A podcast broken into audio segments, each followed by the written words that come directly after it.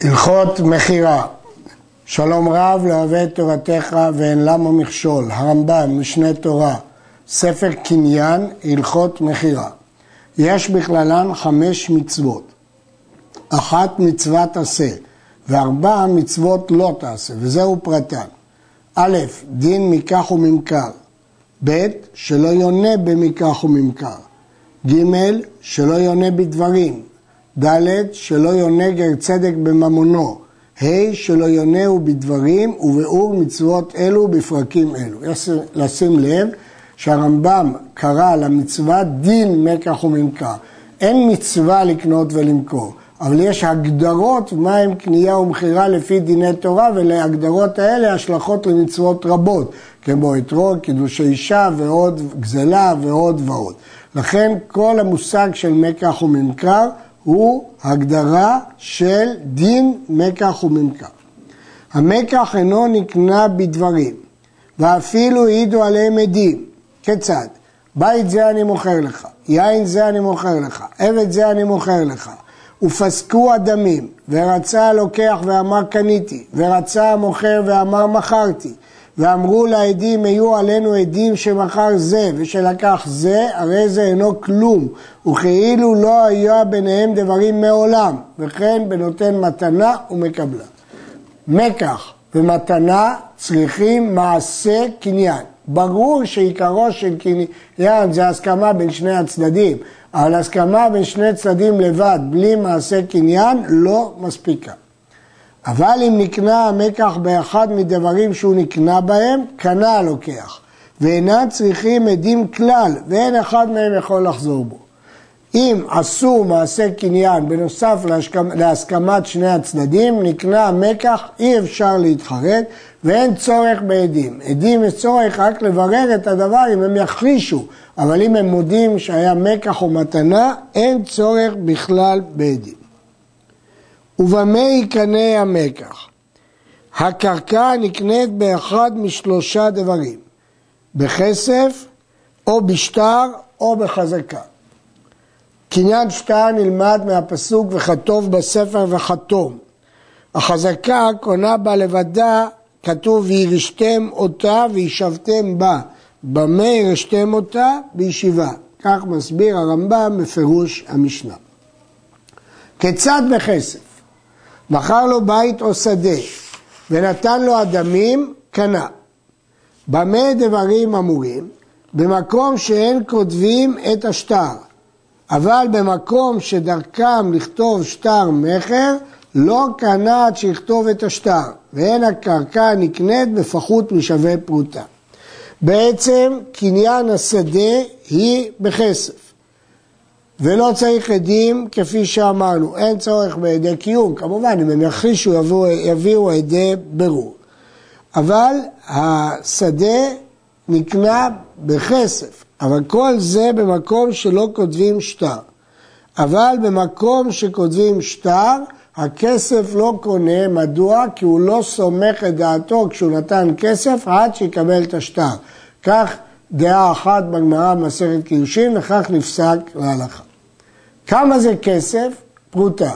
אין הקרקע נקנית בפחות משווה פרוטה. לא חייב להיות פרוטה, יכול להיות גם פחות משווה פרוטה.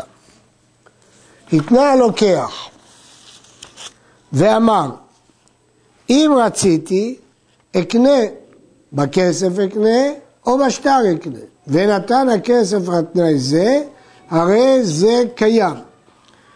כיוון שאמרנו שאפשר לקנות בכסף, ואפשר גם לקנות בשטר, יכול הלוקח להתנות ולהגיד אם אני ארצה זה יהיה בכסף, ואם אני ארצה זה יהיה בשטר. ואין המוכר יכול לחזור בו מפני התנאי, והלוקח יכול לחזור בו עד שיכתוב השטר. כיוון שהלוקח התנה, הוא יכול לחזור בו שהמכר לא יהיה קיים.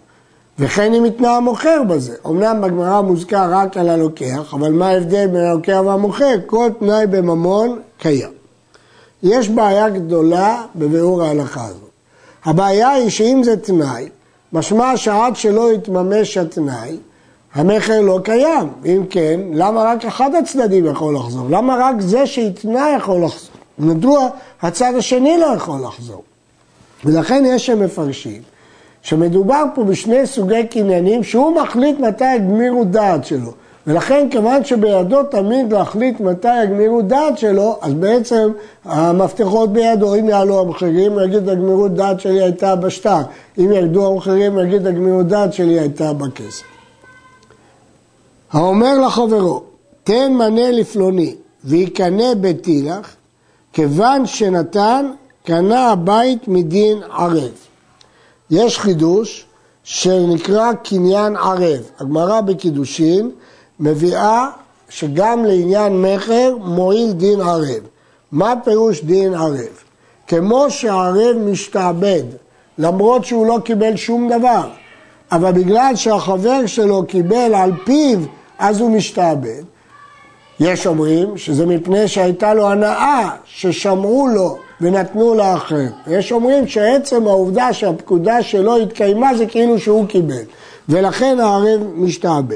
אז אם כן, גם פה, כשהוא אומר תן מנה לפלוני ויקנה ביתי לך, כיוון שנתן, אז הבית נקנה מדין ערב כאילו שהוא נתן לו. כיוון שהוא אמר תן לי פלוני, כאילו שהוא נתן לו, זה חידוש דין ערב בקידושין ובמכר. יש בגמרא בקידושין עוד דין, דין של עבד כנעני, אבל הרמב"ם לא מנה אותו פה, כי הוא סבר שרק דין הערב שייך בקרקע, כמו בקידושי אישה. כיצד משטר? מהו קניין שטר? כתב לו על הנייר או על החרס או על העלה, שדי נתונה לך, שדי מכורה לך, כיוון שהגיע השטר לידו, קנה. ואף על פי שאין שם עדים כלל, ואף על פי שאין השטר שווה כלום. נשים לב, הנוסח של השטר, שדי נתונה לך, שדי מכורה לך, כלומר מוכר נותן שטר לקונה, זה הנוסח. כיוון שהגיע השטר לידו קנה, מסירת השטר קנה, יכול להיות על נייר, על חרס, על עלה, אפילו דבר שצומח, אף על פי שאין שם עדים, ואף על פי שאין השטר שווה כלום. לא צריך שיהיה שווי בשטר. במה דברים אמורים? במוכר שדהו מפני רעתה, או במתנה, שהוא לא רוצה כסף.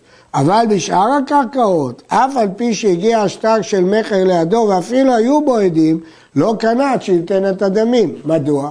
הרי קניין שטר קונה בקרקע, אבל אומרת הגמרא, שהמוכר לא לך דעתם, הוא לא גומר בדעתו, הוא לא מסכים עד שהוא יראה את הכסף, כיוון שהשטר לבד, הוא לא קיבל את התמורה, ולכן במכירה, אם זה לא מפני רעתה, המכירה לא חלה עד שהוא יקבל את הדמים.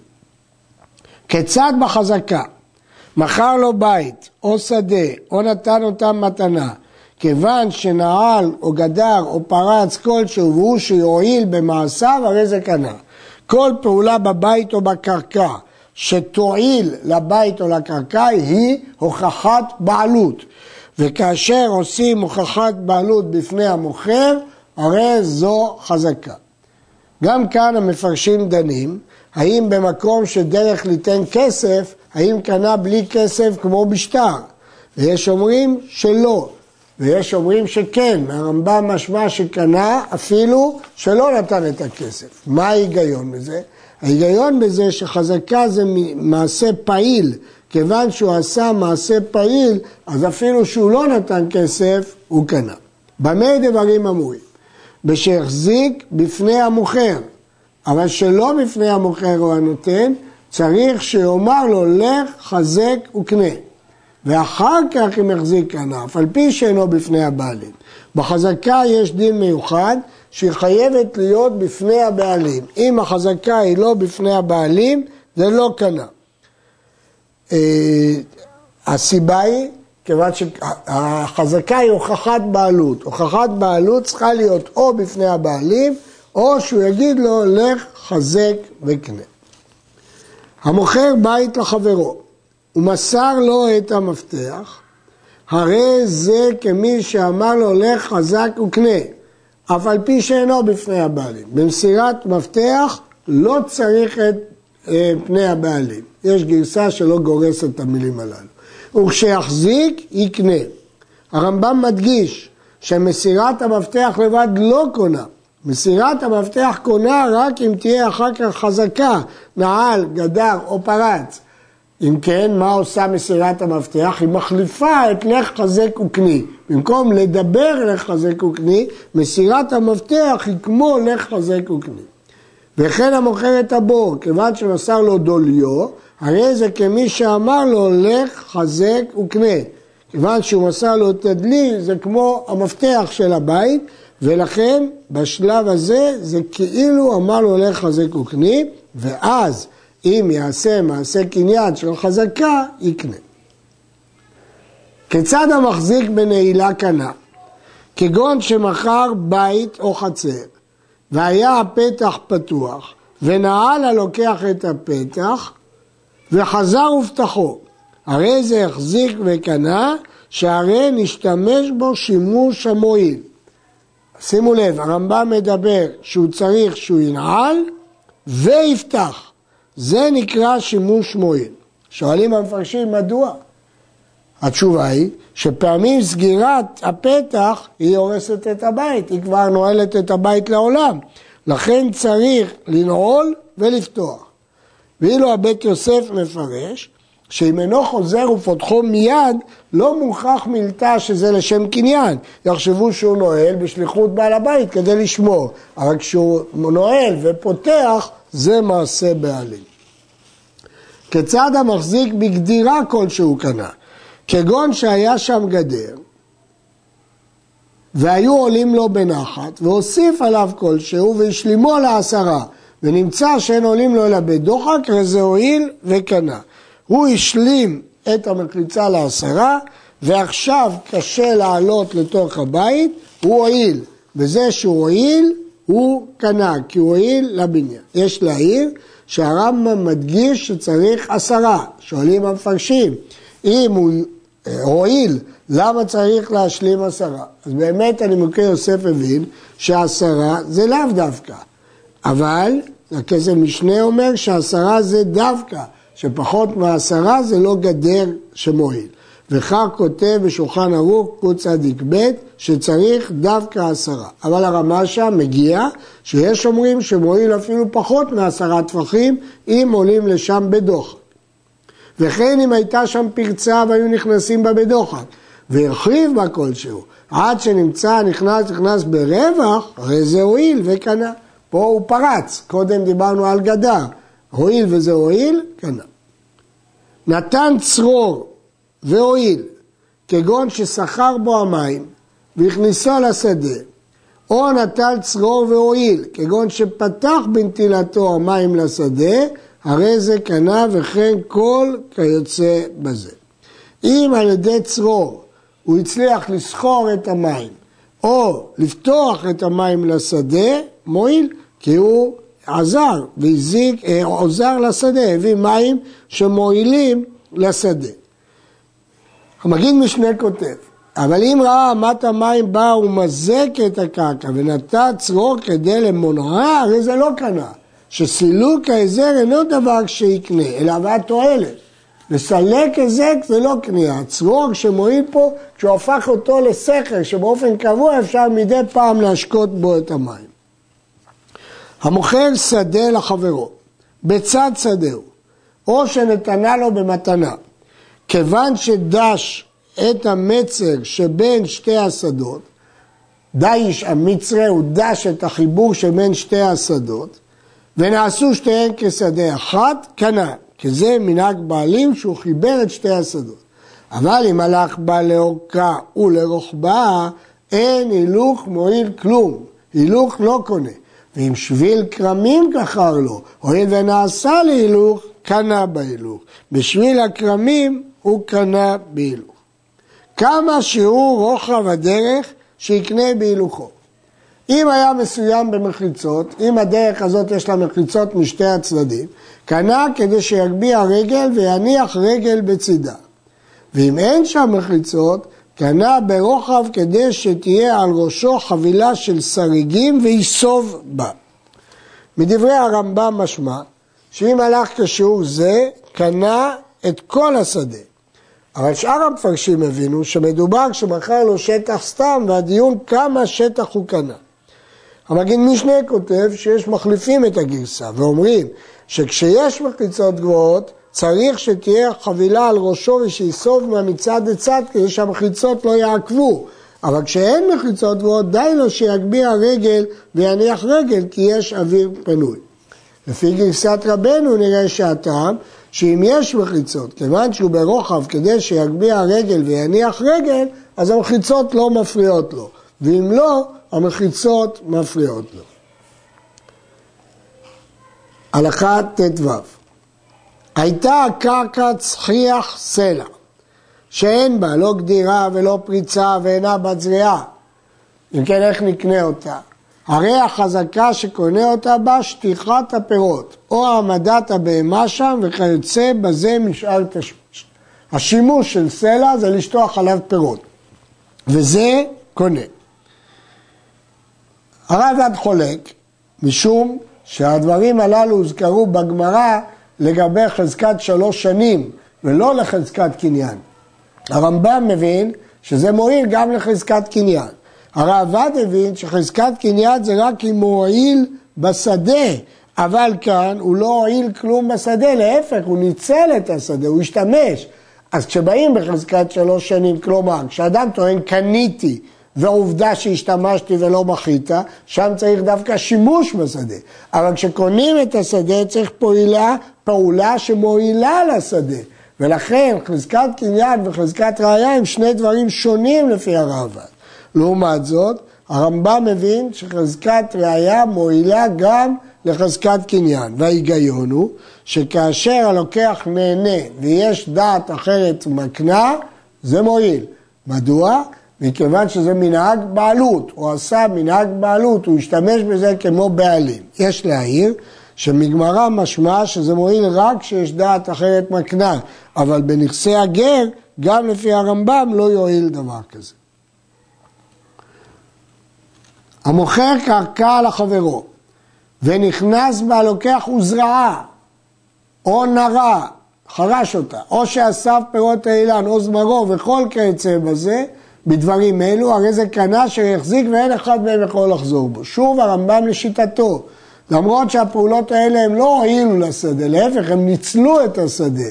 הוא אסף פירות או זמר, בכל אופן, זה חזקת קניין. כמובן שהרייבד יחלוק גם בזה, כשם שהוא חלק במקרה הקודם.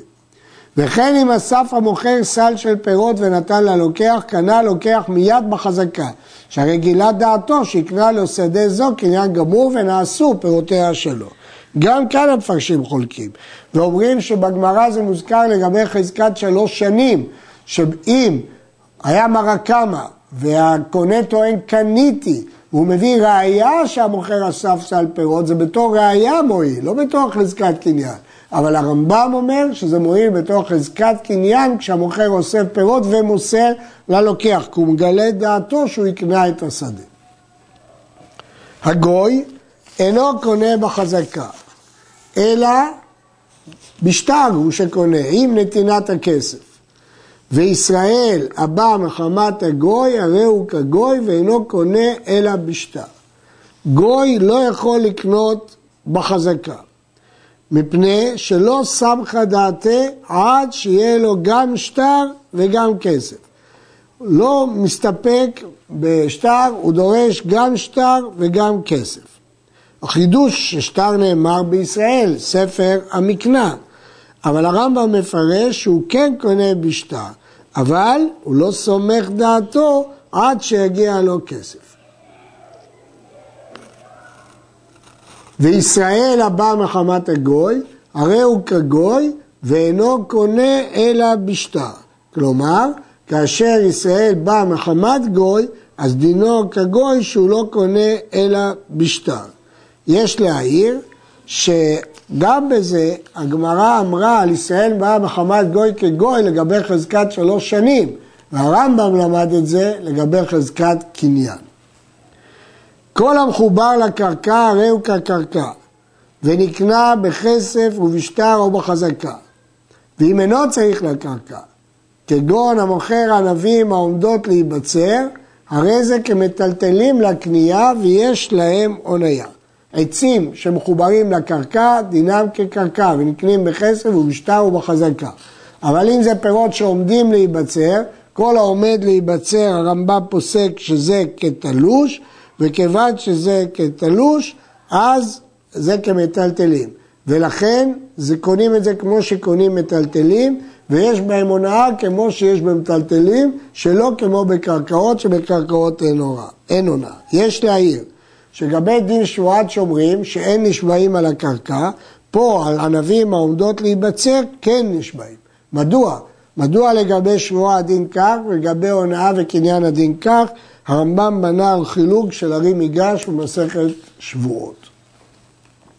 כשם שהקרקע נקנית בכסף ובשטר ובחזקה, כך שכירות הקרקע נקנית בכסף לבדו, או בשטר לבדו, או בחזקה, ואין אחד מהם יכול לחזור בו. שכירות היא קניין ליומא, כיוון שהיא קניין ליומא, אז גם שכירות נקנית באותם קניינים של קניין. המוכר לחברו עשר שדות בעשר מדינות, כיוון שהחזיק באחת מהם, קנה כולם. אפילו הייתה אחת מהם הר גבוה והשנייה מצולה, שהרי תשמיש זו אינו תשמיש זו, אף על פי כן, כיוון שהחזיק בהם, קנה כולה. גמרא מפרשת שכל הקרקע מחוברת, אף סרה דהרה. כיוון שהקרקע מחוברת, הוא קנה את כולה. במה דברים אמורים? בשנתן דמי כולם. אבל אם לא נתן דמי כולן, לא קנה אלא כנגד מעותיו. לפיכך, אם היו הכל במתנה, קנה כולם. יש להעיר, אם הוא קונה קרקע אחת, גם אם הוא לא ייתן את דמי כולה, הוא קנה. אבל אם הוא קנה שדות רבים והחזיק באחד והוא רוצה בזה לקנות את האחרות, זה דווקא כשיש משהו ששיתף אותם, וזה דמי כולם, או שזה מתנה. וכן בשכירות, כיוון שהחזיק באחת מהם, קנה כולם כל זמן השכירות. היו מקצת הקרקעות במכר ומקצתן בשכירות, כיוון שהחזיק בין בסחורה בין במכורה, קנה הכל. עד כאן.